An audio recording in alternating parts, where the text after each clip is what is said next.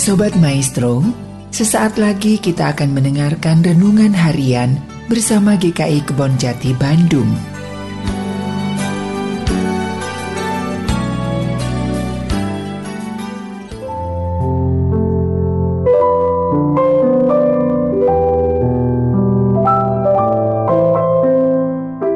Shalom, selamat pagi Bapak Ibu yang dikasihi dalam Tuhan Yesus. Saya Gloria dan saya akan membawakan renungan pada hari ini. Uh, perikop renungan kita hari ini diambil dari Filemon 1 ayat 8 sampai ke yang 22. Demikian firman Tuhan. Karena itu, sekalipun di dalam Kristus aku mempunyai kebebasan penuh untuk memerintahkan kepadamu apa yang harus engkau lakukan, tetapi mengingat kasihmu itu, lebih baik aku memintanya daripadamu. Aku, Paulus, yang sudah menjadi tua, lagi pula sekarang dipenjarakan karena Kristus Yesus, mengajukan permintaan kepadamu mengenai anakku yang kudapat selagi aku dalam penjara, yakni Onesimus. Dahulu memang dia tidak berguna bagimu, tetapi sekarang sangat berguna baik bagimu maupun bagiku. Dia kusuruh kembali kepadamu. Dia, yaitu buah hatiku, Sebenarnya aku mau menahan dia di sini sebagai gantimu untuk melayani aku selama aku dipenjarakan karena Injil. Tetapi tanpa persetujuanmu, aku tidak mau berbuat sesuatu. Supaya yang baik itu jangan engkau lakukan seolah-olah dengan paksa, melainkan dengan sukarela. Sebab mungkin karena itulah dia dipisahkan sejenak daripadamu, supaya engkau dapat menerimanya untuk selama-lamanya, bukan lagi sebagai hamba, melainkan lebih daripada hamba, yaitu sebagai saudara yang kekasih, bagiku sudah demikian, apalagi bagimu, baik secara manusia maupun di dalam Tuhan. Kalau engkau menganggap aku temanmu seiman, terimalah dia seperti aku sendiri. Dan kalau dia sudah merugikan engkau ataupun berhutang padamu, tanggungkanlah semuanya itu kepadaku. Aku, Paulus, menjaminnya dengan tulisan tanganku sendiri Aku akan membayarnya agar jangan kukatakan, tanggungkanlah semuanya itu kepadamu, karena engkau berhutang kepadaku, yaitu dirimu sendiri.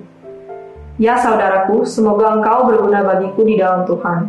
Hiburkanlah hatiku di dalam Kristus. Dengan percaya kepada ketaatanmu, kutuliskan ini kepadamu. Aku tahu, lebih daripada permintaanku, ini akan kau lakukan. Dalam pada itu, Bersedialah juga memberi tumpangan kepadaku, karena aku harap oleh doamu aku akan dikembalikan kepadamu.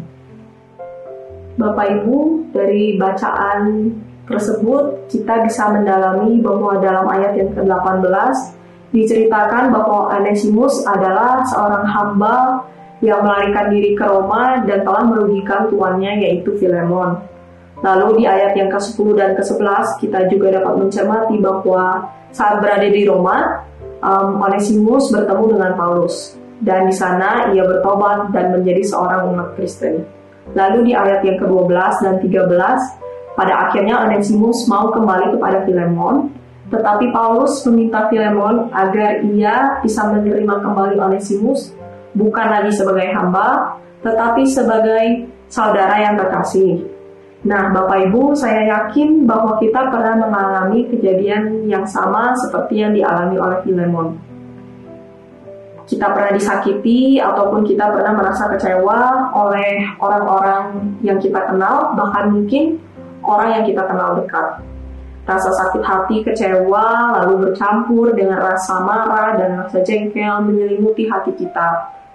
Dan memang rasanya sangat sulit untuk bisa mengampuni orang yang bersalah kepada kita. Mengampuni itu memang mudah dikatakan, tetapi merupakan salah satu hal yang paling sulit untuk dilakukan. Nah, Bapak Ibu, lalu hal apa yang dapat kita pelajari melalui renungan kita hari ini? Uh, kita bisa mempelajari bahwa mengampuni itu hanya bisa dilakukan jika ada kasih dan campur tangan Tuhan di dalamnya. Hubungan serusak apa pun bisa kita perbaiki oleh kasih. Perlu kita ingat juga bahwa mengampuni itu sesungguhnya berasal dari kita dan tidak bergantung pada orang lain. Mari Bapak Ibu kita belajar mengasihi saudara kita terlepas dari kekurangan dan kesalahan mereka. Itulah sejatinya bukti iman kita sebagai umat Kristen. Dan jangan lupa juga kita pun tidak pernah lepas dari perbuatan dosa. Tetapi Tuhan Yesus tetap mau mengampuni dan mengasihi kita. Bahkan, ia rela mati untuk kita dan menebus dosa kita di kayu salib. Nah, jika Tuhan saja mau berbuat demikian, lalu siapakah kita yang merasa punya hak lebih untuk tidak mengampuni? Untuk menutup renungan hari ini, saya akan membagikan satu quote favorit saya, berbunyi demikian. I believe forgiveness is the best form of love in any relationship. It takes a strong person to say they are sorry and even a stronger person to forgive. Dalam bahasa Indonesia bisa diartikan, saya percaya pengampunan adalah bentuk kasih terbaik dalam hubungan apa pun. Dibutuhkan orang yang kuat untuk mengatakan bahwa mereka menyesal dan orang yang lebih kuat untuk bisa memaafkan. Mari Bapak Ibu kita berdoa dan meminta Roh Kudus agar kita dimampukan untuk mengampuni saudara-saudara kita dengan kuasa kasih. Tuhan Yesus memberkati.